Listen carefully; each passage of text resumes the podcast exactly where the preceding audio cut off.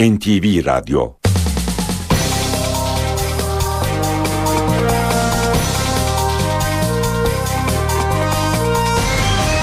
İşe Giderken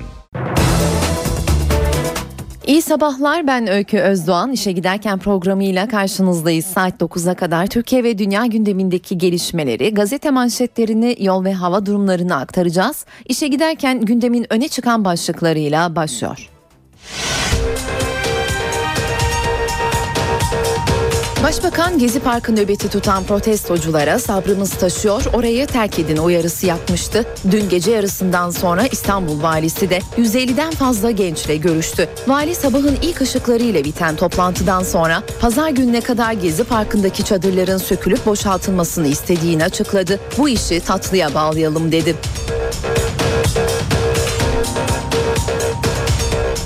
Başbakan Erdoğan dün gece Taksim Dayanışma Grubu üyeleri ve sanatçılardan oluşan bir grupla görüştü. 4 saat süren toplantıdan sonra oyuncu Halit Ergenç, Gezi Parkı ile alınacak kararlarda yargı kararının bekleneceğini söyledi. Yazar Suna Yakında, toplantıdan mutlu ayrılıyorum, çözümün altı iyice çizilmiş oldu dedi.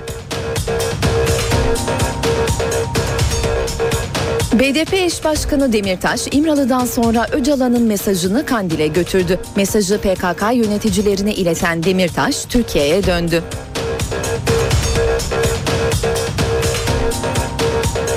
Washington'dan Suriye için kritik açıklama. Amerikan Başkanı Barack Obama'nın Suriye konusunda kırmızı çizgi olarak nitelediği kimyasal silah kullanımı konusunda net açıklama yapıldı. Suriye'de geçen yıl kimyasal silah kullanıldığının tespit edildiğini bildirdi.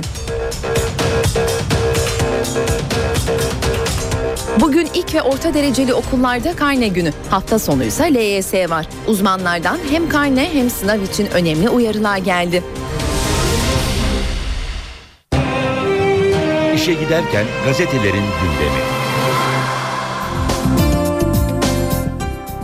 İşe giderken gazetelerin birinci sayfalarından haberler aktaracağımız basın turuyla devam ediyor. Hürriyetle başlayalım. Manşette okumuş çocuklar başlığı göze çarpıyor.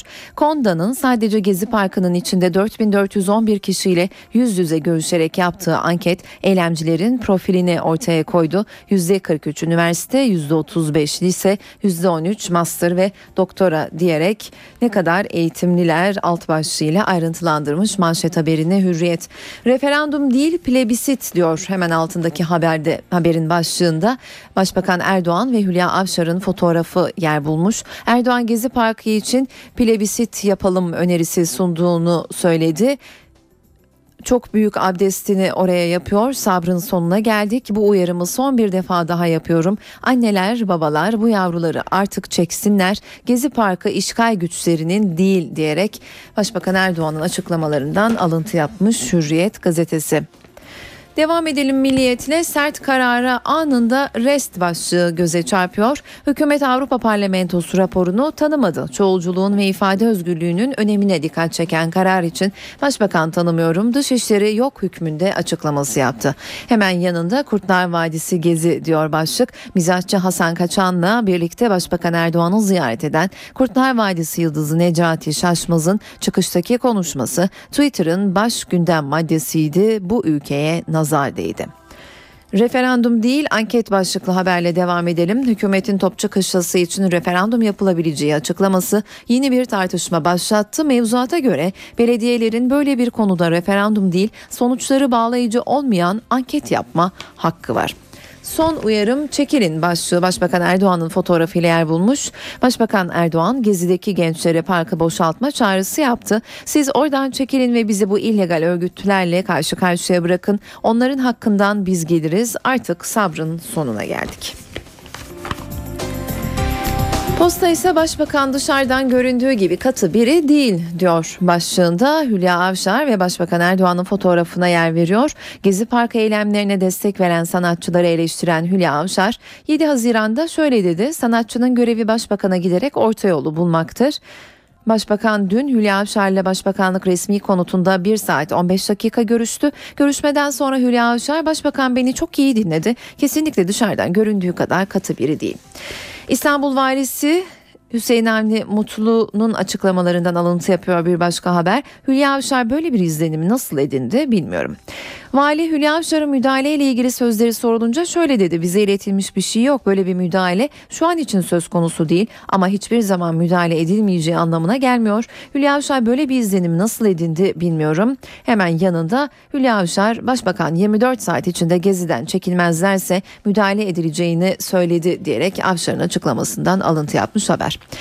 Yine postanın birinci sayfasında Sultan Süleyman Başbakan'a gitti diyor bir başka haberin başlığı. Erdoğan gezi eylemlerini başlatan Taksim Dayanışmanı sözcülerinin de arasında olduğu 10 kişilik heyetle dün gece Başbakanlık konutunda ilk kez görüştü. 22.30'da başlayan görüşmeye şu isimler katıldı.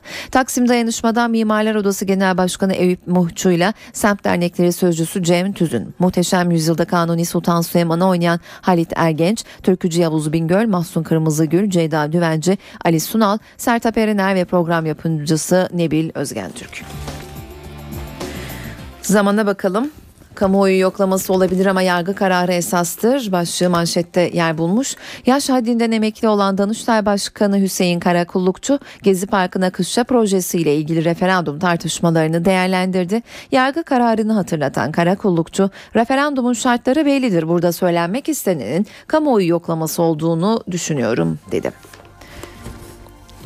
AB büyükelçileri iktidarda meşru bir hükümet olduğu unutulmamalı.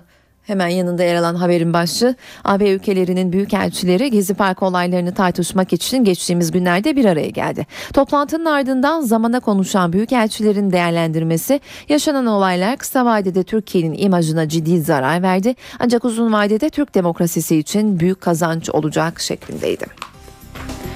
Sabah var sırada günün haberi olarak belirlediği manşet haberinin başlığı İstanbul halkı ne diyorsa o. Başbakan Erdoğan Gezi grubuna yaptığı öneriye açıklık getirdi. Yasaya göre belediyeler kamuoyu yoklaması yani plebisit düzenleyebilir. Hemen altında Gezi'deki çadırları yakacaklardı diyor başlık. Bakan Güler hassas yaklaşımla önlenen provokasyonu açıkladı. Gençlerin ölümüyle kargaşa yaratmak için Gezi'deki çadırlar benzin dökülüp yakılmak istendi. Bunları biliyoruz ve engelledik. Vatan manşetine ne anlattılar başlığını çekmiş. Gezi Parkı protestolarına çözüm için Erdoğan'la bir araya gelen isimler 4,5 saat süren görüşmeyi ve sundukları önerileri paylaştı. Sabrın sonuna geldik diyor alt başlık. Erdoğan dün bu uyarımı son defa yapıyorum dedi ekledi. Anne babalar yavrularınıza sahip çıkın. Kurunun yanında yaş dayanıyor. Görüşmeye katılan Profesör Betül Tambay'dan alıntı yapıyor. Gezi Parkı 38 bin metrekare kamusal alan olmaktan çıktı. Birleşme noktası haline geldi. Öğrenci Nil Eyüboğlu'dan eylemin çapulcu ve marjinal olmadığını göstermeye çalıştım ve galiba başardım. Açık açıklamalarına yer verilmiş Vatan Gazetesi'nin manşetteki haberinde. Ya plebisit ya da 3 nokta bu haberin başlığı. Erdoğan Gezi Parkı için referandum değil plebisit yapılabilir dedi. Referandum yargı gözetimi ve denetiminde yapılıyor. Sonuçları herkes için bağlayıcı. Plebisit ise bir tür kamuoyu yoklaması. Sonuçları idareyi ve yargıyı bağlamıyor. Topçu kışlası yargıda bu nedenle plebisit seçeneği öne çıkıyor denmiş. Abdullah Gül'ün fotoğrafı ben de gizli görüştüm başlığıyla yer bulmuş. Dün Gül Artvin'deydi. Gezi protestoları için Sayın Başbakan'ın görüşmeleri önemli. Bu itirazların içinde olan kişilerle basına haber vermeden görüştüklerim oldu demiş Vatan Gazetesi. Habertürk ise ya kışta ya plebisit başlığını kullanıyor. Topçu kışlası için yerel halk oylamasına plebisite gidilecek demiş. Erdoğan ya plebisite evet diyeceksin ya da kışla projesini kabul edeceksin diyor. Hemen yanında Hülya Avşar açıkladığı 24 saatte bitmezse müdahale diyerek ayrıntılandırılıyor. Habertürk'ün manşetindeki haber. Beyannameli hayat başlıyor bir başka haberin başlığı için kullanılan ifade Habertürk'te yeni gelir vergisi tasarısına göre yılda 188 bin liradan fazla kazananlar beyanname verip %35 gelir vergisi ödeyecek. Diyalog böyle olur Abdullah Gül'ün fotoğrafıyla yer buluyor. Cumhurbaşkanı Gül, Başbakan Erdoğan'ı Gezi Parkı temsilcileriyle görüşmesini değerlendirdi. Güzel bir durum. Diyalog dediğimiz böyle olur. Herkesin birbirini dinlemesi, anlaması böyle olur.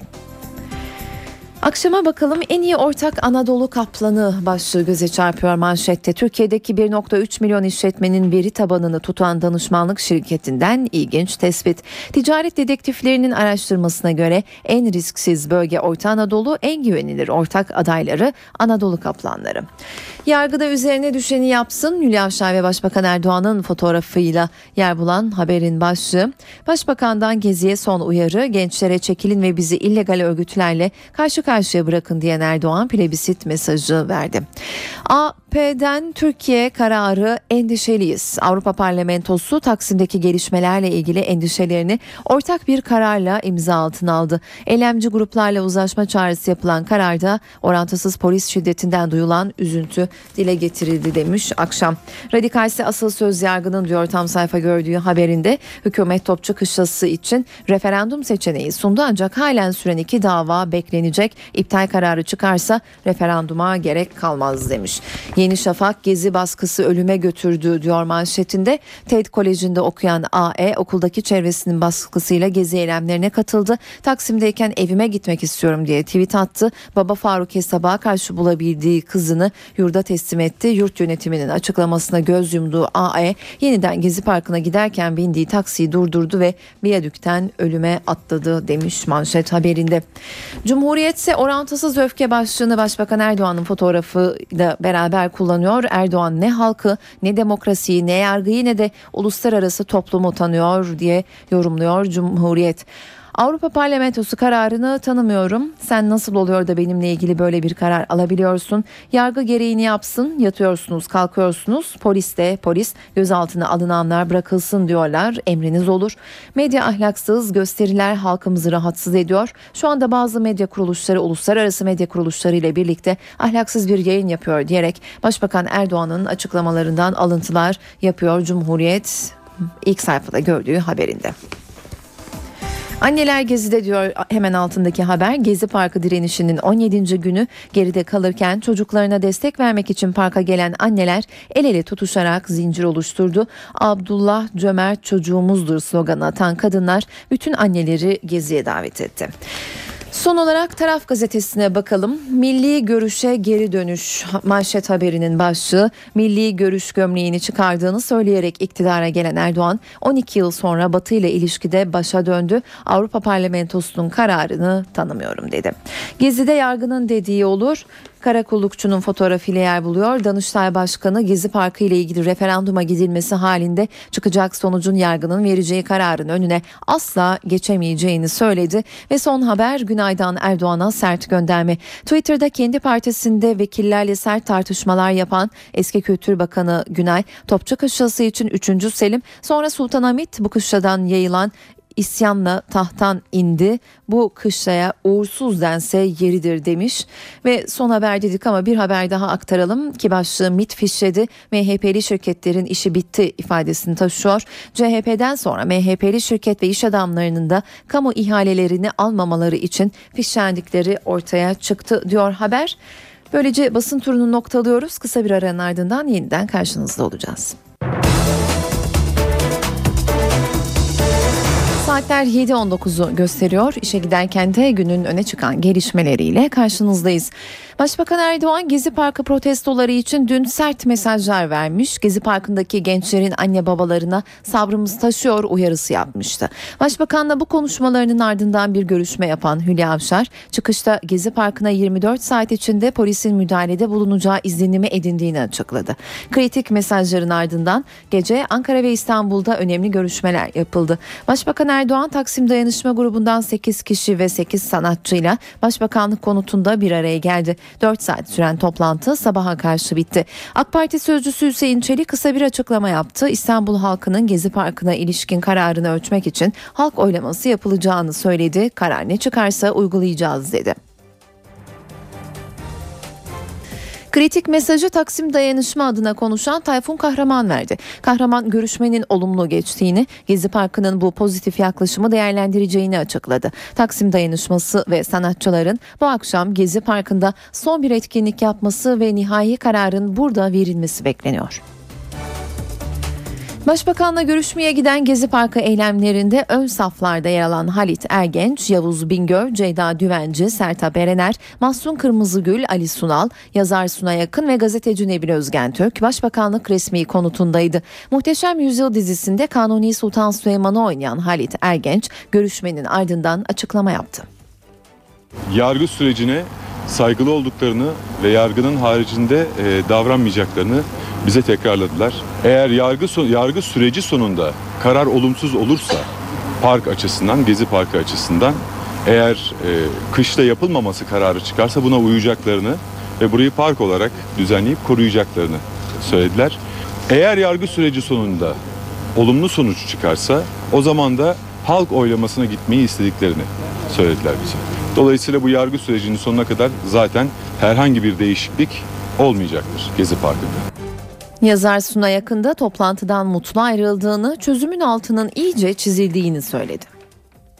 Bundan sonra eminim hepimizin beklediği, bütün insanımızın beklediği, bütün Türkiye'nin beklediği demokratik çözüm süreçlerinin zaten var olan bu süreçlerin altı iyice çizilmiştir, pekiştirilmiştir. Ben bu yüzden emeği geçen herkese çok çok teşekkür ediyorum.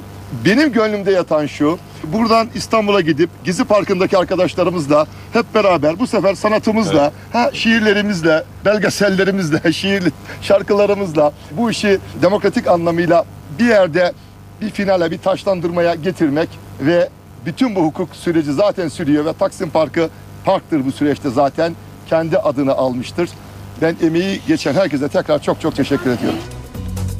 İstanbul'da ise Vali Hüseyin Avni Mutlu Twitter'dan iyi dileklerini yolladığı ve ben de orada olmak isterdim dediği eylemcilerle Gezi Parkı'nda değil ama Dolmabahçe'de buluştu. Yaklaşık 150 protestocuyla sabaha kadar görüşen vali çıkışta yaptığı açıklamada görüşmenin amacını da açıkladı. Vali protestocuların Gezi Parkı'nı boşaltmalarını istediğini anlattı. Bundan sonra e, Gezi Parkı hadisesi tabii ki tamamlanmış olacak. Bu yaklaşımı kendilerinden aldım. Tabii bu akşam Sayın Başbakanımızın yapmış olduğu toplantı sonrasında gelen haberlerin de gençler üzerinde bu olumlu havanın doğmasında çok büyük bir rolü oldu.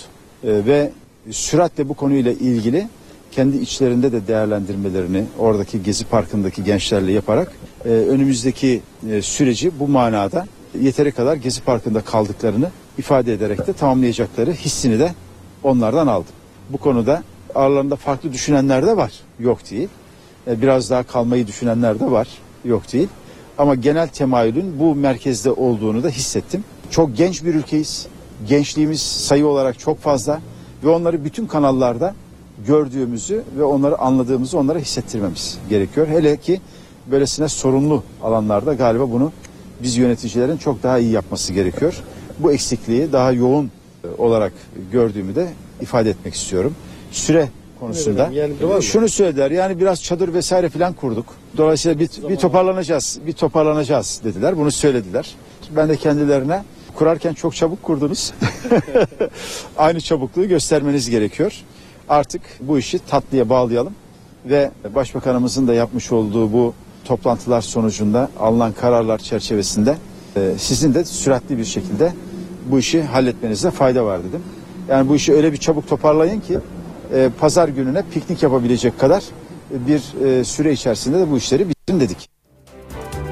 Valinin protestocularla görüşmesini izleyen NTV muhabiri Baran Bila şu sıralarda Taksim Gezi Parkı'na geri döndü.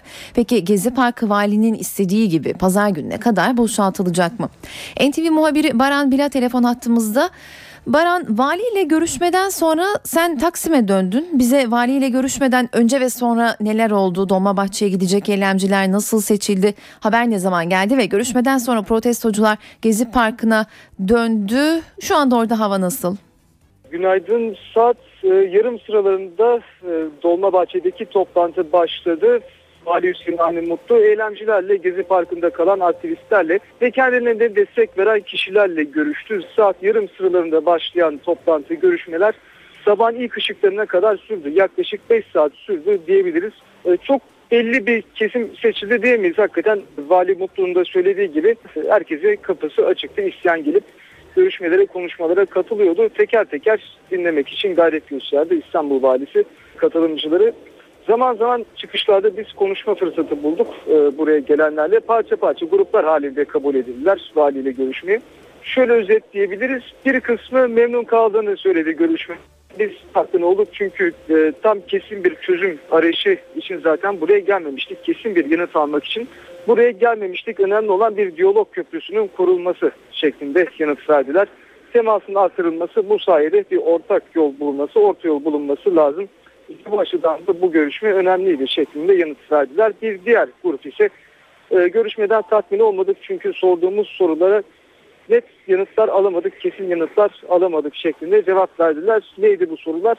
Öncelikle hatırlayalım polis müdahalesiyle ilgili, e, polisin aşırı güç kullanımı ifadeleriyle ilgili e, açığa alınacak veya hakkında soruşturma açılacak kişilerle ilgili sorular yöneltildi Vali Mutlu'ya. Bunun yanı sıra Gezi Parkı ile ilgili Gezi Parkı'nın geleceği ve buraya yine olası bir polis müdahalesinin olup olmayacağı ile ilgili Vali Mutlu'ya sorular yöneltildi ve bazı katılımcılar net yanıt alamadıklarını söylediler. Çıkışta İstanbul Valisi Hüseyin Avni Mutlu bir açıklama yaptı. O da bütün bu soruların cevabını vermek, bütün bu sorunları, problemleri çözmek 5 saatlik bir sürede tabii ki mümkün değil ancak bu görüşme çok önemliydi. Çünkü zaten devletle e, halk arasında, gençler arasında olan diyalog köprüsünün daha da arttırılması açısından bu görüşme çok önemli, çok anlamlı oldu şeklinde söyledi. Sıcak bir hava vardı içeride dedi.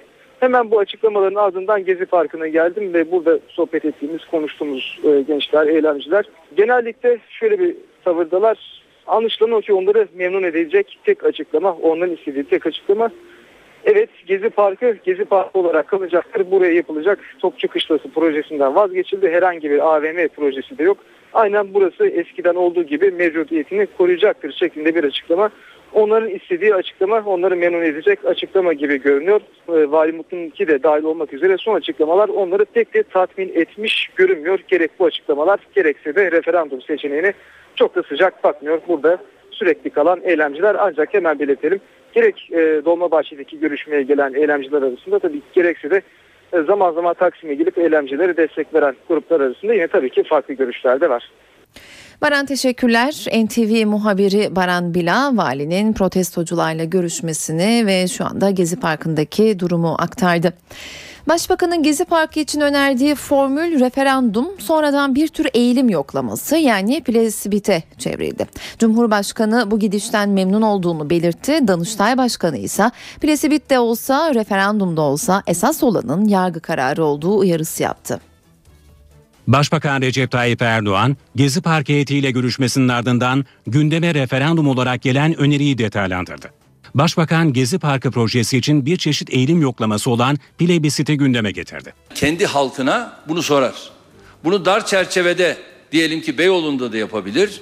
Bunu daha geniş çerçevede İstanbul içinde yapabilir. Gezi Parkı tartışmasının bu öneriyle geldiği yeni boyut devletin zirvesinde olumlu karşılandı. Böyle bir tartışmalı bir konunun böyle bir e, istikamete girmiş olması sevindiricidir. Demek ki problemlerimizi konuşarak, tartışarak, diyalog ve hukuk çerçevesi içerisinde çözebilme olgunluğunu gösteriyoruz demektir. Gezi Parkı ile ilgili filan gündeme gelen nokta e, anayasal anlamdaki halk oylaması değil. Çünkü o halk oylamaları bağlayıcıdır. Yargı cephesindense bir uyarı geldi. Daha çok orada o bölgede bir kamunun istek ve arzusunu meydana çıkartmak DHB aleyhe diye düşünüyor. Hangi şekilde olursa olsun yargı kararına ileri, yargı kararına etkin olması söz konusu değildir. Konu muhalefetin de gündeminde. Muhalefet öneriye soğuk ve tepkili. Madem sen e, vatandaşa soracaktın da vatandaşların hassasiyeti varken sürekli kaşıdın. Bu iş bitecek dedin. 15 gündür milletimize huzur bırakmadın. Madem referandumu bu kadar seviyorsan buyur işte doğru düzgün bütün sorunları çözecek demokratik bir anayasa ve referanduma gidelim. Canının istediği şeyde referandum, canının istemediği şeyde memorandum. 6. İdare Mahkemesi'nin bir yürütmeyi durdurma kararı mevcut olduğu halde bu konuyu referanduma taşımayı düşünmek anayasayı bilmemektir. Karadeniz gezisinin Artvin durağında Gezi Parkı protestoları ile ilgili soruları yanıtladı Cumhurbaşkanı Abdullah Gül. Açıklamalar arasında dikkat çeken bir not vardı. Basına haber vermeden kendisinin de bazı görüşmeler yaptığını söyledi. Zaman zaman gördüğünüz bazı belki üzücü şeyler olabilir ama bunların hepsi geçici şeylerdir. Bundan hiç tereddüdüm yok. Bu tip sıkıntılar Avrupa ülkelerine, Amerika'da oralarda da görüyor. Ekranlarınıza geliyor. Seyrediyorsunuz. Bunlar hiç kimsenin moralini bozmasın. Cumhurbaşkanı Abdullah Gül'ün Artvin ziyaretinde de gündemi Gezi Parkı protestolarıydı. Olaylarla ilgili diyalog kurulmasının sevindirici olduğunu söyleyen Gül, ben de basına haber vermeden bazı temsilcilerle bir araya geldim dedi.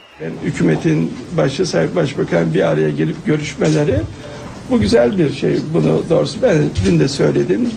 Diyalog dediğimiz şey böyle olur. Daha önce ben de biliyorsunuz bazılarını e, bu itirazları yapanları davet ettim. Onlarla ben de görüştüm.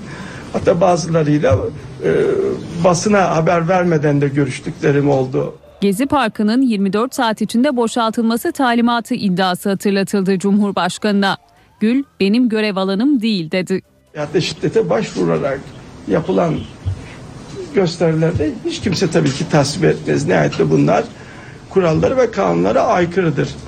Dolayısıyla e, onların nihayete erdirilmesini sağlamakta hepimizin hem devlet görevlilerinin görevidir hem de vatandaşlar olarak herkesin benim karar vereceğim konular değil şüphesiz ki.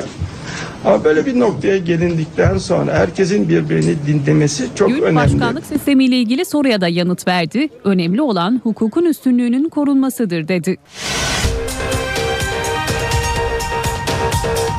Başbakan Gezi Parkı nöbeti tutan protestoculara sabrımız taşıyor orayı terk edin uyarısı yapmıştı. Dün gece yarısından sonra İstanbul valisi de 150'den fazla gençle görüştü. Vali sabahın ilk ışıklarıyla biten toplantıdan sonra pazar gününe kadar Gezi Parkı'ndaki çadırların sökülüp boşaltılmasını istediğini açıkladı. Bu işi tatlıya bağlayalım dedi.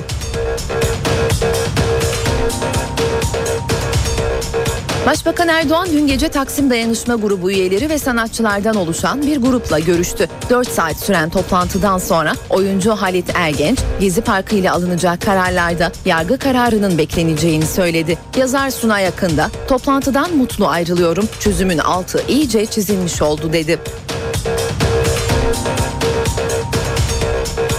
BDP eş başkanı Demirtaş, İmralı'dan sonra Öcalan'ın mesajını Kandil'e götürdü. Mesajı PKK yöneticilerine ileten Demirtaş, Türkiye'ye döndü.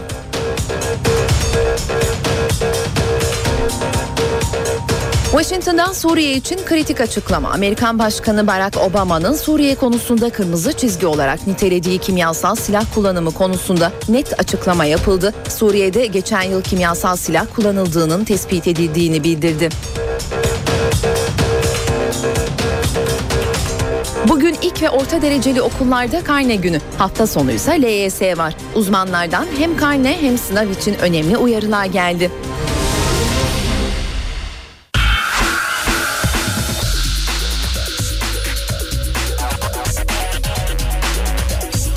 Spor sayfaları.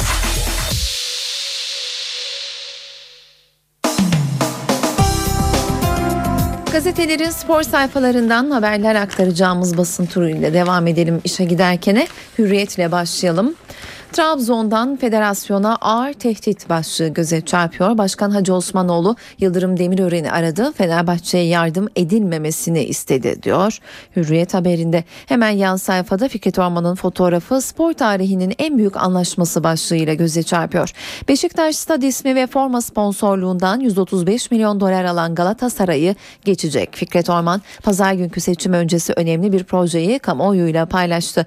Orman yeni stadın isim ve forma göğüs sponsorluğu için Vodafone'la bir ön anlaşma imzalandığını belirtti diyor Hürriyet gazetesi. Trabzonspor'la devam edelim. Soyadım gibi eseceğim başlığı göze çarpıyor. Batuhan Karadeniz Trabzon'la 2 yıllık anlaşma sağladı ve iddialı konuştu. 22 yaşındaki Yıldız kariyerinde yepyeni bir sayfa açtığını belirtip artık özüme döndüm. Bundan sonra herkes gerçek Batuhan'ı görecek diye konuştu.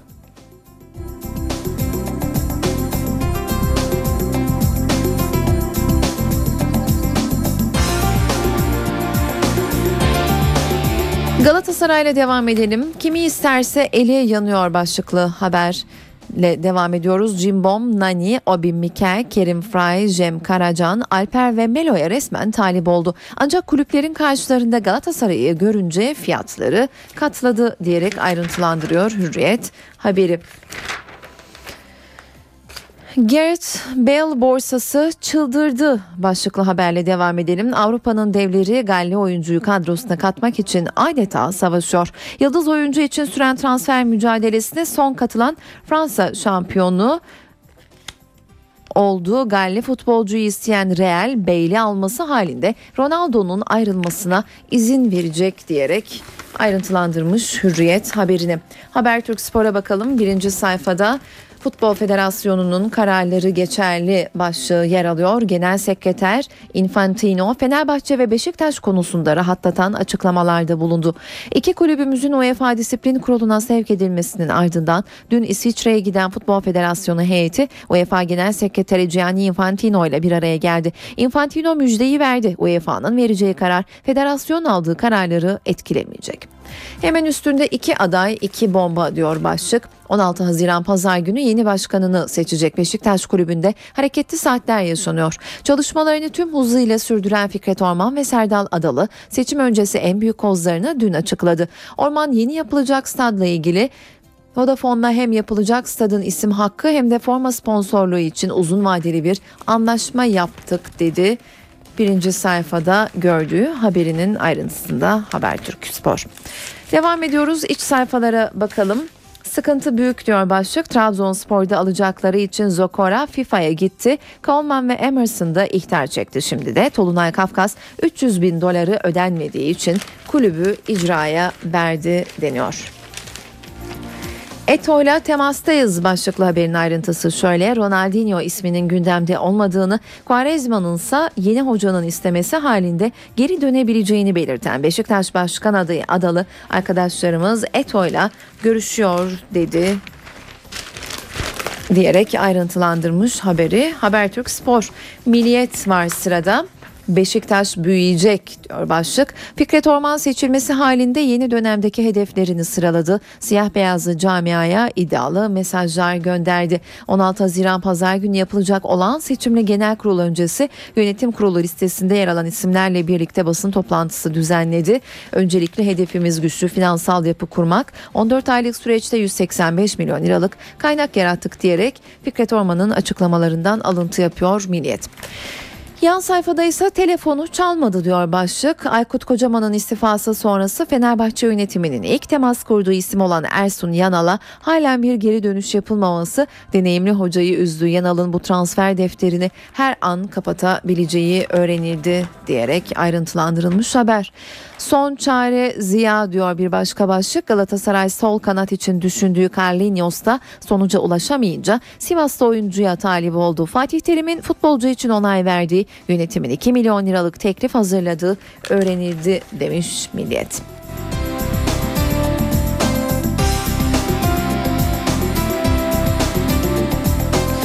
Rekor katılım diyor bir başka başlık. Mersin'de 20-30 Haziran tarihleri arasında düzenlenecek olan 17. Akdeniz oyunlarına rekor katılım olacak.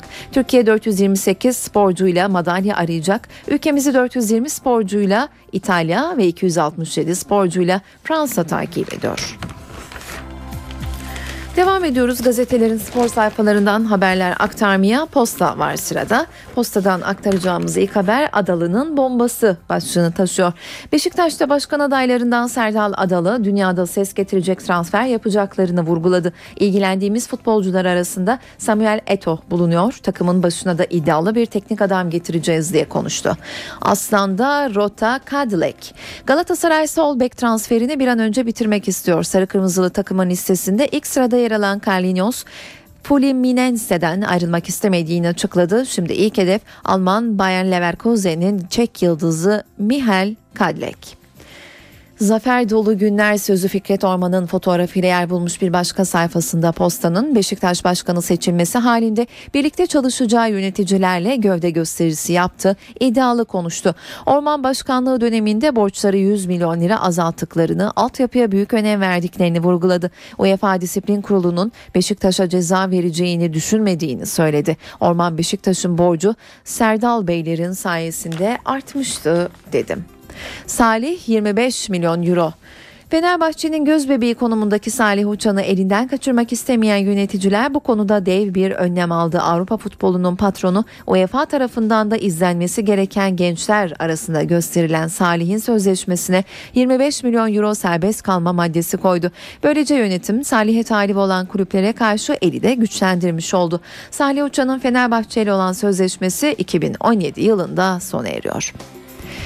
Federasyona karışmayız başlıklı haberi aktaralım. UEFA'nın Fenerbahçe ve Beşiktaş'ı disiplin kuruluna sevk etmesinin ardından Futbol Federasyonu harekete geçti. Başkan Vekili Servet Yardımcı ve Hukuk Kurulu'ndan iki üye İsviçre'ye gitti. UEFA Genel Sekreteri Infantino ile görüştü. Infantino Türkiye heyetine kararımız yerel bilgileri etkilemez dedi.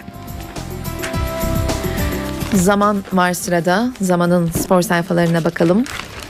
Beşiktaş bu süreçten yüzünün akıyla çıkacak diyor başlığında. Beşiktaş Başkanı Fikret Orman pazar günkü seçimli kongre öncesi birçoğu eski ekibinde yer alan yeni dönemdeki kurmaylarını kamuoyunda tanıttı. Basının karşısına çıkan Orman genel kuruldan çok UEFA'nın Avrupa'dan bir yıllık ihraç istemi üzerinde durdu. Camiasına söz veren deneyimli yönetici rakibi Serdal Adalı'ya da sert çıktı. Melo Aslan'la yol ayrımında diyor bir başka başlık. Her fırsatta gönlünün Galatasaray'da olduğu açıklamasına rağmen transferinde somut bir gelişme yaşanmaması Felipe Melo'nun keyfini kaçırdı. Menajer Jose Rodrigo'nun önceki gün sarı kırmızılı yönetimle pazarlık masasından netice almadan kalkması Brezilyalı'nın moralini bozdu. Melo ülke televizyonuna Cimbom'dan ayrılık sinyalleri verdi yorumunda bulunmuş zaman. Sabah gazetesine bakalım. Lobiyi otel lobisi sandılar başlığı Ali Şen'in fotoğrafıyla yer buluyor. Şen her fırsatta lobi yapılması gerektiğini söyledim ama lobiyi otel lobisi sandılar. Fenerbahçe'nin lobi çalışmalarına çok geç başladığını söyleyen Ali Şen bu iş iki kulüple bitmeyecek tablo çok karanlık diyor ve ayrıntılandırıyor haberi sabah. Hemen altında Cardozo için Portekiz seferi başlığı yer buluyor. Birkaç gün içinde Lizbon'a gidecek olan Fenerbahçeli kurmaylar hem Cardozo hem de Ekotto transferini bitirmenin peşinde. Gözü U20 kupasında diyor bir başka başlık. Galatasaray'da gözler U20 Dünya Şampiyonası'nda 4 kişilik izleme ekibi kuran Fatih Terim gelen rapora göre transfer politikasını değiştirecek. İnönü para basacak diyor bir başka başlık. 10 yılı kapsayan anlaşmayla kulübünün kasasına 120 milyon dolar gireceği öğrenildi. Başkan Fikret Orman kesin anlaşmanın bir ay içinde imzalanacağını belirtti. Camiayı tutamam başlıklı haberin ayrıntısı ise şöyle. Demirören'i arayan Trabzonspor Başkanı böyle bir tutum temiz futbol isteyen ve bir işaretimizi bekleyen paydaşlarımızı rahatsız eder dedi. Federasyonun Fenerbahçe ile savunma yapacağı haberleri Hacı Osmanoğlu'nu kızdırdı diyerek yorumda bulunmuş ve kran kran turnuva başlıklı haberle devam edelim. 15-30 Haziran tarihleri arasında düzenlenecek Mini Dünya Kupası başlıyor. FIFA Feder Konfederasyon Kupası yarın saat 22'de ev sahibi Brezilya'nın Japonya ile oynayacağı mücadeleyle start alıyor demiş. Vatan Gazetesi'ne bakalım son olarak. Transferin engeli evdeki yabancı başlığı Ünal Aysal ve Fatih Terim'in fotoğrafıyla yer alıyor. Galatasaray'da Başkan Aysal'la Terim arasında gerçekleşen transfer zirvesinin kriptosunu çözdük. Sarı Kırmızılılarda öncelik 3 bölgeyi dünya yıldızları ile takviye etmek. Ancak kadroda Fransa'dan transfer edilen Çedyo ile birlikte 10 yabancının bulunması planları bozuyor. Aysal ve Terim'in stratejisi gönderilen yabancı oyuncu kadar transfer yapmak diyor Vatan Gazetesi. Yol haritasını birlikte çizelim başlıklı haberse ayrıntıda şöyle. Federasyon 2. Başkan Vekili Servet Yardımcı UEFA'ya işbirliği çağrısı yaptı. Federasyon olarak bugüne kadar dava sürecinde önemli çalışmalar yaptık ve bunları da sizinle paylaştık. Bizim aldığımız tüm kararlardan UEFA'nın da bilgisi ve onayı var. Futbol Federasyonu'nun kararları yerine mahkemenin kararını dikkate almanız bizi şaşırttı diye ayrıntılandırmış Vatan haberi. Son haberse bu sezon feda bitmiştir başlığını taşıyor. Fikret Orman feda kampanyasına devam etmeyeceklerini söyledi. Geçen sene geçmişe yönelik borçlar yüzünden transferde zorlandık. Feda ürünlerimizden tam 2 milyon dolar elde ettik. İnsanlar bu tişörtleri göğüslerini gere gere giydiler ve sokaklarda yürüdüler diyerek Fikret Orman'ın açıklamasından alıntı yapıyor Vatan. NTV Radyo Saatler 8'i gösteriyor. Son hava tahminlerini alacağız ama öncesinde günün öne çıkan başlıklarını hatırlayalım. Başbakan Gezi Parkı nöbeti tutan protestoculara sabrımız taşıyor orayı terk edin uyarısı yapmıştı. Dün gece yarısından sonra İstanbul valisi de 150'den fazla gençle görüştü. Vali sabahın ilk ışıklarıyla biten toplantıdan sonra pazar gününe kadar Gezi Parkı'ndaki çadırların sökülüp boşaltılmasını istediğini açıkladı. Bu işi tatlıya bağlayalım dedi.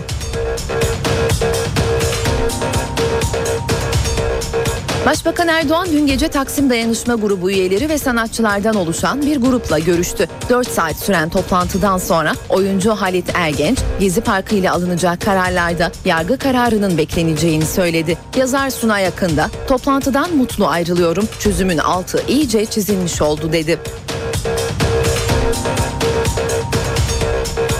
BDP eş başkanı Demirtaş, İmralı'dan sonra Öcalan'ın mesajını Kandil'e götürdü. Mesajı PKK yöneticilerine ileten Demirtaş, Türkiye'ye döndü.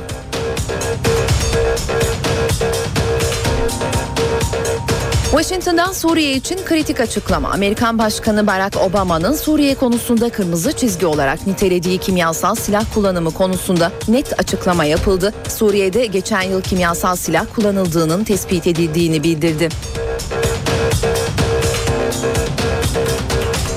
Bugün ilk ve orta dereceli okullarda karne günü. Hafta sonu ise LYS var. Uzmanlardan hem karne hem sınav için önemli uyarılar geldi. İşe giderken hava durumuyla devam ediyor. Son hava tahminlerini NTV Meteoroloji Editörü Gökhan Abur'dan alacağız. Günaydın Gökhan Abur. Günaydın. Gün içinde nasıl bir hava bekliyor bizi? Evet batı bölgeleri etkisi altına alan kuvvetli sağanak yağışlar ve serin hava etkisini sürdürmeye devam ediyor. Şu an itibariyle özellikle Marmara'nın güney kesimleri ve Trakya'da yağış e, aralıklarla devam ediyor ve bu zaman zaman kuvvetli yağışlar İstanbul'un da özellikle kuzey ve batı ilçelerinde yağış şu an itibariyle başladı ve sistem boğaza doğru ilerlemesini sürdürüyor. Bugün de İstanbul'da aralıklarla yağış var ve hava serin olacak. Şu anda İstanbul'da hava sıcaklığı 20 derece. Bugün için beklediğimiz en yüksek sıcaklıkta 24-25 dereceler civarında olacak. Evet ilerleyen saatlerde diyorum çünkü şu an itibariyle giderek bulutlanmanın arttığı Ege'de ilerleyen saatlerde yağışlar yine kuvvetli gök gürültülü sağanaklar şeklinde ve kısa süreli olacak.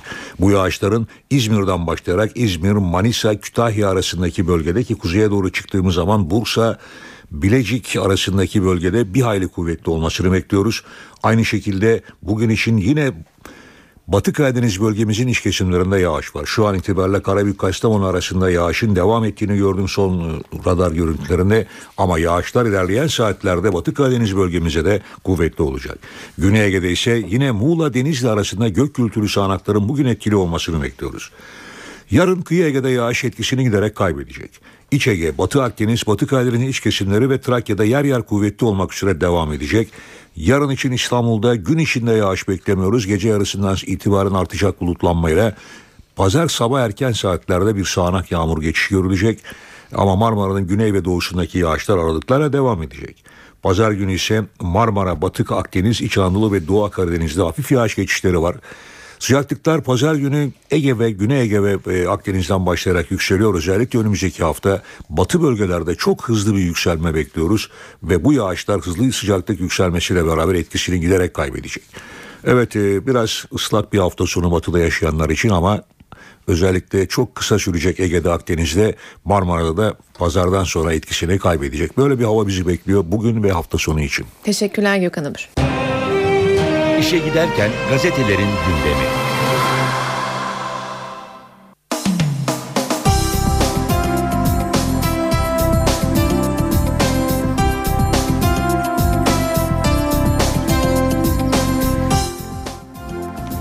İşe giderken basın turuyla devam ediyor. Gazetelerin birinci sayfalarından haberleri aktaracağımız turumuza hürriyetle başlayalım. Okumuş çocuklar diyor manşetteki haber. Konda'nın sadece Gezi Parkı'nın içinde 4411 kişiyle yüz yüze görüşerek yaptığı anket eylemcilerin profilini ortaya koydu demiş manşette gördüğü haberinde hürriyet.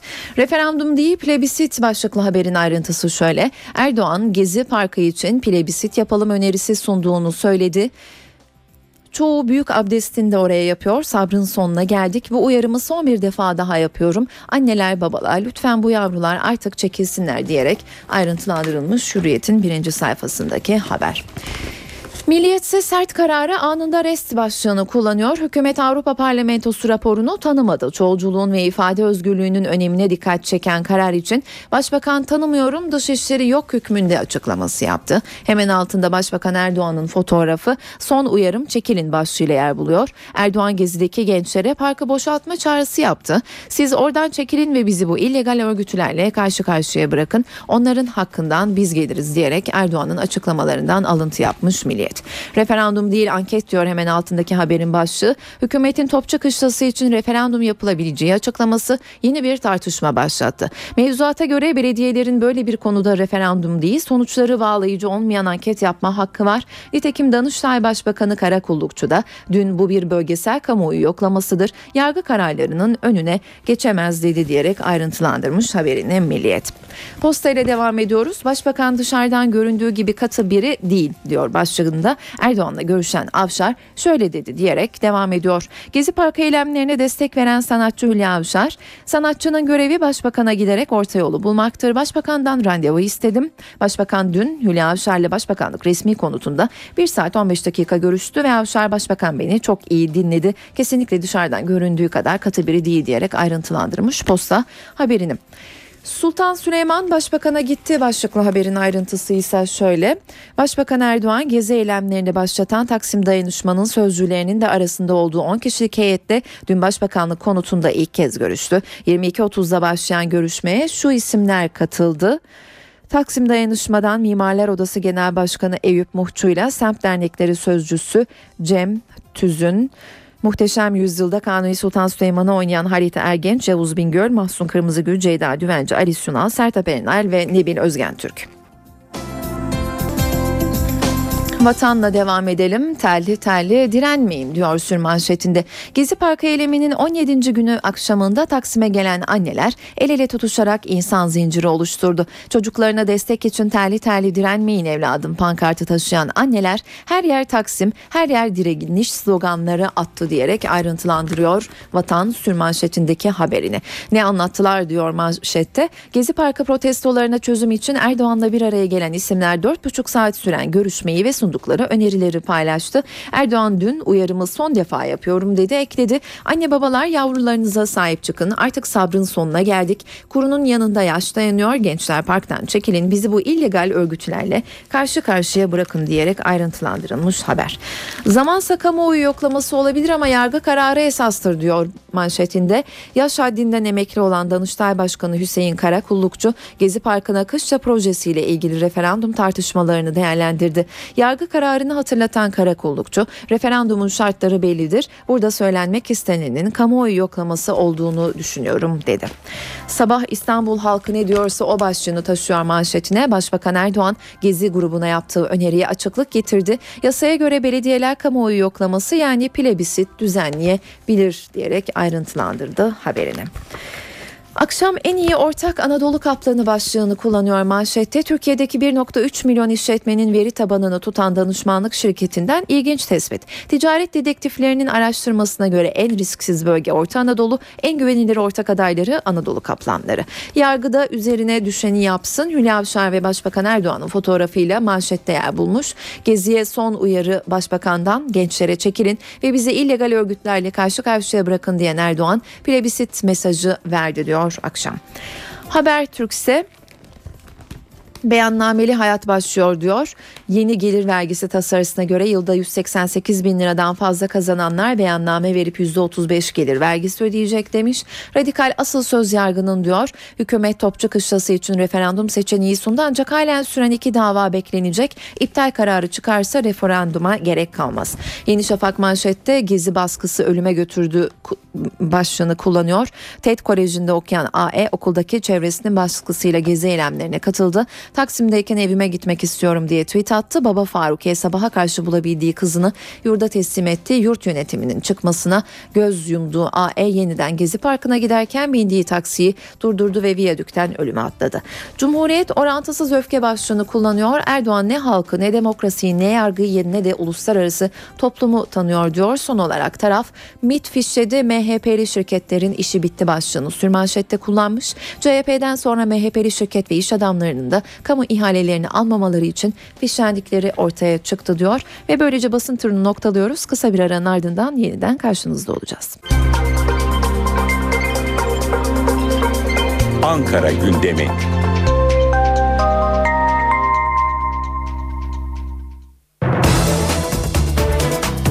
Saatler 8.18'i gösteriyor. İşe giderken başkent gündemiyle devam ediyor. Ankara'da dün gece gezi trafiği yoğundu. Bugünün gündeminde ne var? Ankara'ya dönelim ve NTV muhabiri Miray Aktağ Uluç'tan öğrenelim. Miray hafta sonu yoğun geçecek. Başbakan mitingler düzenleyecek. CHP lideri gezi eylemcileriyle ve yabancı basınla buluşacak. Bugünün gündeminde ne var? Gezi Parkı protestoları ve beraberinde gelişen süreç yine başkentin bir numaralı gündem maddesi olmaya devam ediyor. Dün geç saatlerde sanatçılar ve Taksim platformu üyelerinden oluşan heyetin Başbakan Erdoğan ile bir araya gelmesinin ardından aslında olumlu gelişmeler yaşanacak gibi görünüyor. Görüşme sabaha karşı bitti. Toplantıdan yargı kararı beklenecek vurgusu çıktı. Ankara'da bugün bununla ilgili yorumlar ve açıklamaları yakından takip edeceğiz. Bugün ayrıca Taksim platformunun başkentte diğer siyasi partilerle de bir araya gelmeleri bekleniyor. Ve devletin zirvesinin programlarına gelince Cumhurbaşkanı Abdullah Gül Rize ve Artvin'in ardından Ardahan'da bugün temaslarına devam edecek. Başbakan Recep Tayyip Erdoğan'ın bugün Ankara'da programları var. Erdoğan partisinin genel merkezinde düzenlenecek olan genişletilmiş il başkanları toplantısına başkanlık edecek ve gündeme ilişkin mesajlarını bu toplantıdan verecek. Başbakan Erdoğan bugün ayrıca 81 kentteki 347 öğrenci yurduna ücretsiz internet verilmesini sağlayacak projenin açılış törenine de katılacak. Söz konusu törende bakanlar Suat Kılıç ve Binali Yıldırım da hazır bulunacak. Ama muhalefet cephesinde de bugün bir toplantı var. Cumhuriyet Halk Partisi Genel Başkanı Kemal Kılıçdaroğlu bugün partisinin genel merkezinde Türkiye Kent Konseyi toplantısına katılacak. CHP liderinin de o toplantıda gündeme ilişkin güncel konulara ilişkin değerlendirmeler yapmasını bekliyoruz. Ve bugün okullarda karne heyecanı var. Tüm Türkiye'deki okullardaki karne heyecanı başkent Ankara'da da yaşanıyor ve Milli Eğitim Bakanı Nabi Avcı bugün başkentte Gölbaşı Hacılar İlköğretim Okulu ve Ortaokulu'ndaki karne dağıtım törenine katılacak ve diğer bakanların programlarına gelince Enerji Bakanı Taner Yıldız ve Maliye Bakanı Mehmet Şimşek Gediz Elektrik Dağıtım ve Perakende Satış Anonim Şirketi'nin hisse satış sözleşmesinin imza törenine katılacaklar ve son olarak Türkiye Büyük Millet Meclisi'nden başlıkları aktarmamız gerekirse meclise milletvekillerinin basın toplantıları var. Cumhuriyet Halk Partisi'nden Grup Başkan Vekili Emine Ülker Tarhan ve Cumhuriyet Halk Partisi Genel Başkan Yardımcısı Faik Öztürk ile Milliyetçi Hareket Partisi'nden Grup Başkan Vekili Oktay Vural, Barış ve Demokrasi Partisi'nden de Mülkiye bir tanenin basın toplantıları olacak Türkiye Büyük Millet Meclisi'nde ve bizler de gün boyunca bu başlıkları başkent Ankara'dan sizlere aktaracağız. Miray teşekkürler. NTV muhabiri Miray Aktağ Uluç Ankara gündemini aktardı.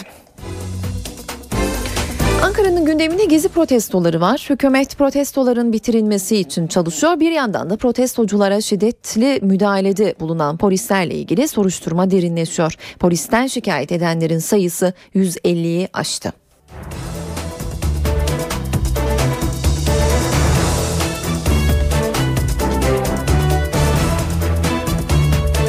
Amerika Birleşik Devletleri'nden Gezi Parkı olayları ile ilgili Ankara'ya bir mesaj daha var. Washington cephesinden son açıklama yine Beyaz Saray sözcüsü Jay Carney'den geldi. Bu kez olumlu bir mesaj Başbakanın eylemciler ve sanatçılarla görüşmesi, eğilim yoklaması önerisi nedeniyle Beyaz Saray sözcüsü bu durumu demokratik yollar üzerinden çözme çabalarını memnuniyetle karşılıyoruz dedi. Türkiye'nin Amerika'nın yakın dostu ve müttefiki olduğunu, Türk yetkililerden ifade özgürlüğü, bağımsız basın gibi temel özgürlükleri sağlamasını beklediklerini vurgulayan Kearney, Başkan Obama'nın bu konuda Türk makamlarıyla bir telefon görüşmesi yapıp yapmadığını bilmediğini ancak Dışişleri Bakanı John Kerry'nin Dışişleri Bakanı Ahmet Davutoğlu ile görüştüğünü, diğer düzeylerde de temasların kurulduğundan emin olduğunu ifade etti. Avrupa Parlamentosu ise olaylar nedeniyle Ankara'ya çok sert tepki gösterdi. Oy çokluğuyla aldığı kararda hükümet Türk toplumunun çeşitlilik ve çoğulculuğuna saygı duymalı, laik yaşam biçimlerini muhafaza etmeli denildi. Karara Ankara'dan aynı sertlikle cevap verildi.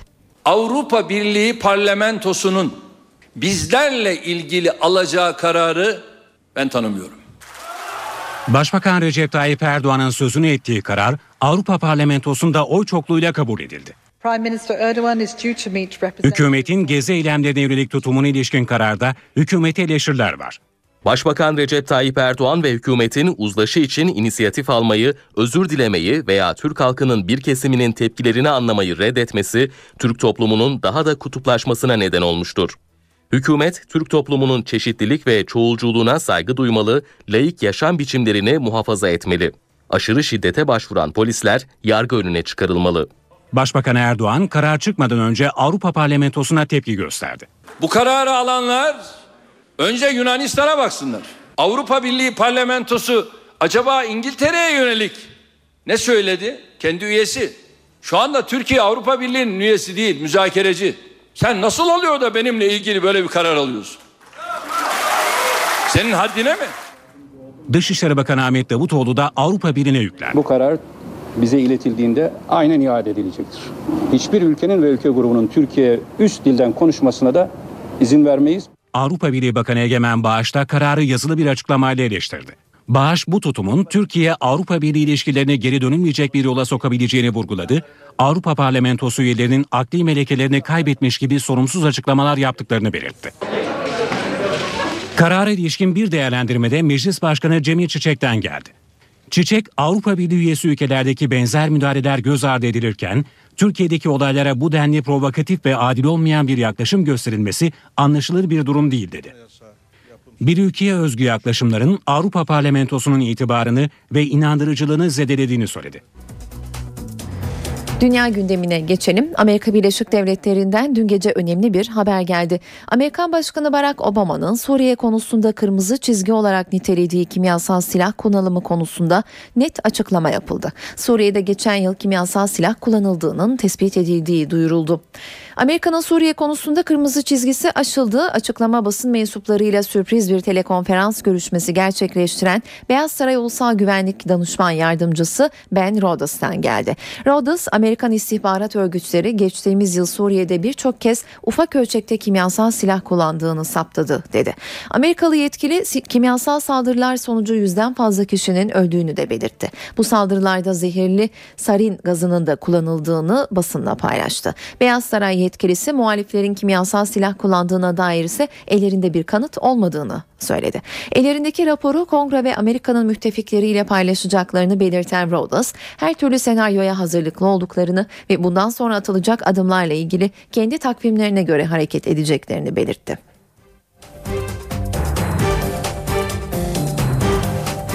Yunanistan'a geçiyoruz. Ekonomik kriz nedeniyle devlet televizyonu ve radyosunun kapatılması kararı bir başka kriz yarattı. İşlerine son verilen televizyon ve radyo çalışanları binayı terk etmeyip internet üzerinden yayını sürdürüyor ve Yunan halkı da binanın etrafını çevirip onlara destek veriyor. Yunanistan'da devlet televizyonu ve radyosunun kapatılma kararına tepki büyüyor. Sendikaların grev kararı doğrultusunda binlerce kişi başkent Atina sokaklarına döküldü. Protestocular devlet kanalı ERT'nin kapatılmasına tepki gösterdi. Tepki gösterenler arasında ana muhalefet partisinin lideri de var. İnsanları demokrasiyi korumaya çağırıyoruz. Bu barbar hükümet parlamento salonunda değil insanların eliyle düşecek. Yoksulluk çekiyorduk. Şimdi ifade özgürlüğünü ve düşünce özgürlüğünü yok edecekler. Binlerce kişi ERT kanalının çevresinde toplandı ve binadan çıkmayarak internet üzerinden yayına devam eden çalışanlara destek verdi. Yunan medyasının da katıldığı grev nedeniyle ulaşım aksadı. Metro seferleri feribotlar çalışmadı. Okullar kapandı, hastaneler acil vakalar dışında hasta kabul etmedi. Başbakan Antonis Samaras, koalisyon ortaklarıyla pazartesi günü konuyu görüşeceğini açıkladı. Karar nedeniyle 2700 kişinin işsiz kalacağı belirtiliyor. Ağustos ayının sonunda daha az çalışanla yeni bir devlet kanalı kurulacağı belirtiliyor. İran'da bugün seçim var. Halk yeni cumhurbaşkanı seçmek için sandık başına gidecek. 6 aday var. Refe, reformcuların adayı önde gidiyor. Muhafazakarların ise kafası karışık. Ve halk seçime pek ilgi göstermiyor. Dini lider Ayetullah Ali Hamaney halka oy kullanın çağrısında bulundu. Adaylardan hiçbiri %50 oy oranına ulaşamazsa Cumhurbaşkanlığı seçimi için 21 Haziran'da ikinci tura gidilecek. İran yönetimi 2009'daki Cumhurbaşkanlığı seçimleri sonrasında yaşanan olayların tekrarlanmaması için de önlem aldı. Seçim günü 7 bin devrim muhafızı ve Besiç milisi görev yapacak. Medyaya da kısıtlama getirildi. Cumhurbaşkanlığı seçimini izlemek isteyen pek çok uluslararası basın kuruluşuna vize verilmedi. İşe giderken Para ve sermaye piyasalarından son verileri aktaralım. Dün BIST 100 endeksi günlük bazda %0,51 oranında değer kaybederek 76.488 puandan kapandı. Bankalar arası piyasada dolar 1.87.55, euro 2.50.63 liradan satıldı. Euro dolar paritesi 1.33, dolar yen paritesi 94 seviyelerindeydi. Uluslararası piyasalarda altının onsu 1383 dolardan alıcı bulurken kapalı çarşıda Cumhuriyet altını 566, çeyrek altın 140 liradan satıldı. Brent tipi ham petrolün varil fiyatı ise 103 dolardı. Başbakan Gezi Parkı nöbeti tutan protestoculara sabrımız taşıyor orayı terk edin uyarısı yapmıştı. Dün gece yarısından sonra İstanbul valisi de 150'den fazla gençle görüştü. Vali sabahın ilk ışıklarıyla biten toplantıdan sonra pazar gününe kadar Gezi Parkı'ndaki çadırların sökülüp boşaltılmasını istediğini açıkladı. Bu işi tatlıya bağlayalım dedi.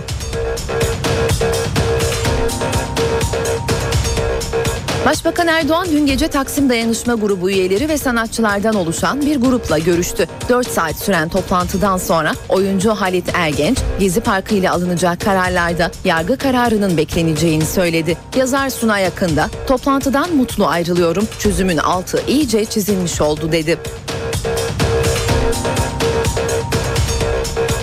BDP eş başkanı Demirtaş, İmralı'dan sonra Öcalan'ın mesajını Kandil'e götürdü. Mesajı PKK yöneticilerine ileten Demirtaş, Türkiye'ye döndü.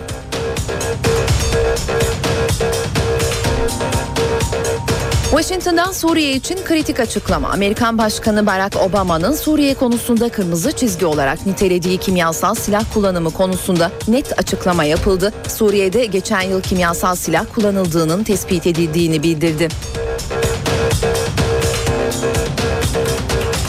Bugün ilk ve orta dereceli okullarda karne günü. Hafta sonu ise LYS var. Uzmanlardan hem karne hem sınav için önemli uyarılar geldi.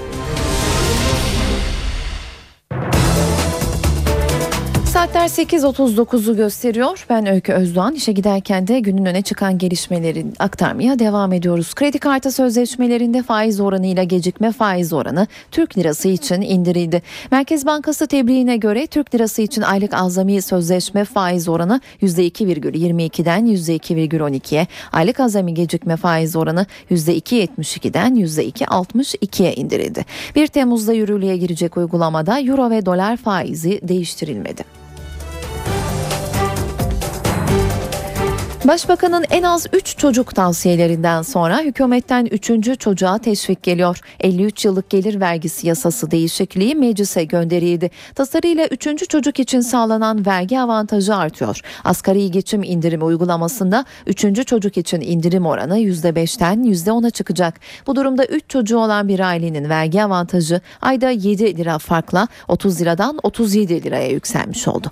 Vergi tabanını genişleten tasarı bazı istisna ve imtiyazlar avantajlara son veriyor. Vergi oranlarında herhangi bir değişiklik işe ise yaratmıyor. 188 bin lirayı aşan serbest meslek kazançlarından vergi alınacak. Serbest meslek sahipleri 3 gruba ayrılarak vergilendirilecek. Halen sadece stopaj ödeyen futbolcular da artık gelir vergisi beyannamesi verecek. 29 yaşın altındaki genç girişimcilerin gelirlerinin bir bölümü de vergi dışı bırakılıyor. Bugün karne günü. İlk ve orta dereceli okullarda öğrenciler dönem sonu karnesini alacak ama uzmanlara göre bugün asıl sınavı anne babalar verecek. Çocuk ve genç psikiyatristi Arzu Önal'ın karne günü uyarılarını dinleyelim. Ailelerin hiçbir şey çocuklarının sağlıklarından daha önemli olamaz. Onu bir, birlikte değerlendirelim şeklinde yaklaşmaları daha güzel olur. Kötü sonuçlar doğrulmasını da engeller. Karne günü geldi. Öğrenciler heyecanlı. Şimdi karne heyecanı var mı? Evet var çok var. Yani korkuyorum biraz. Eyvah. O zaman size de soralım nasıl olacak tepki var mı? Yok canı sağ olsun. Sınıfı geçtiyse problem yok. Kötü olursa da canın sağ olsun. Ki kızacak mısınız peki? Yok. Düzeltmek için bir konuşma olur mu? Tabii ki düzeltmesi için elimizden geleni yaparız yani. Sen peki korkuyor musun babadan? Korkuyorum. Bazı öğrenciler ailelerinin tepkisi nedeniyle endişeli. Uzmanlar velileri uyarıyor. Uslubunuza dikkat edin, konunun önemini vurgulayın. Bu çok önemli bir konu deyip belki bir gün saat randevulaşıp tabii aynı gün içinde e, bunu bir aile toplantısı yapıp konuşalım. Çünkü çocuklar için çok da böyle e, ayrıntılı zaman ayrılmıyor e, gibi bu konuyla ilgili yani. Kötüdür sen yaptın olmadı seneye de başının çaresine bak gibi bir yaklaşımın bir faydası olmayacağı gibi aynı sonu tekrar yaşayabilirler. Uzmanlara göre ceza yerine çocuğa sorumluluk yüklemek daha doğru. Tatile gitmemekten işte e, ya da alınması beklenen bir şeyin hani belli bir not ortalamasının üzerine çıkmadan alınmaması gibi bir sorumluluk e, taşıyabileceğini gösteren bir e, işte yardımcı olarak çalışması olabilir. Tabii ki böyle çok ağır aylarca süren ve eziyet şeklinde değil. İyi karnelerdeki ödül beklentisini de abartmamak gerekiyor. Yani daha böyle manevi, aileyle zaman geçirmeye yönelik ya da çok sevdiği bir yerde gidip birlikte e, eğlenceli güzel vakit geçirmek gibi bir ödül konulabilir. E, yani çok maddi ödüller önermiyoruz.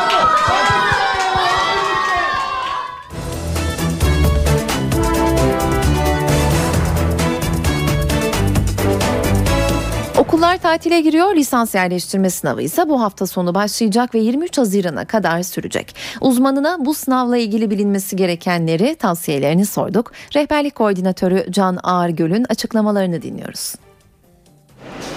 LYS'ye daha az stresle hazırlandım. Ama son günler arttıkça stres de arttı tabii. Bir yıldır 10 ay falan hiç durmadan çalışıyoruz. Ya heyecan var ama onun ötesinde daha çok artık bitsin de gitsek havasına girdi herhalde. Yüz binlerce üniversite adayını ilgilendiren lisans yerleştirme sınavına sayılı günler kaldı. LYS maratonu 15 Haziran'da sosyal bilimler sınavıyla başlıyor. Peki adaylar nelere dikkat etmeli? Stresle başa çıkmaları adına son süreçte ders çalışmamalarını öneriyoruz. Özellikle son 3 gün kala hiçbir dersi, hiçbir konusunu öğrenemeyecekleri aşikardır. Deneme sınavlarından birkaç örnek daha çözerek e, sınavı beklemeleri onların yararına olacaktır. Adayların fiziksel olarak çok fazla yorulmaması gerekiyor. Kahvaltılarını her zaman yaptıkları gibi yapsınlar. Yemek düzenlerini fazla değiştirmesinler. Daha önce yemedikleri şeyleri yemesinler. Kısa yürüyüşler, temiz hava onların dinginleşmesini sağlayacaktır. Aile içi sohbet, sevdikleri insanlarla buluşmalar bunlar da onları rahatlatacaktır. LYS'ye ait fotoğrafla giriş belgesini ve nüfus cüzdanını yanında bulundurmayan adaylar sınava alınmayacak. LYS 4 Sosyal Bilimler Sınavı 15 Haziran Cumartesi günü, LYS 1 Matematik Sınavıyla LYS 5 yani Yabancı Dil Sınavı ise 16 Haziran Pazar günü yapılacak ve yurtta hava. Şiddetli sağanak pek çok kentte hayatı felce uğrattı. Denizli'de ise yağmurdan korunmak için ağacın altına sığınan Yaşar Satılmış adlı vatandaş ağaca yıldırım düşünce hayatını kaybetti. Bursa'da da tarlada çalışan 17 yaşındaki Aslı Oruç'un üzerine yıldırım düştü. Ağır yaralanan genç kız hastanede tedaviye alındı. Balıkesir, Kastamonu ve Tekirdağ'da su baskınları nedeniyle şehir merkezleri sulara gömüldü, araçlar yolda kaldı. Kocaeli'de de hortum nedeniyle evlerin çatısı uçtu. Böylece işe giderken programının sonuna geldik. Ben Öykü Özdoğan. Saat başında günün öne çıkan gelişmeleriyle haber bülteninde yeniden karşınızda olacağız. NTV Radyo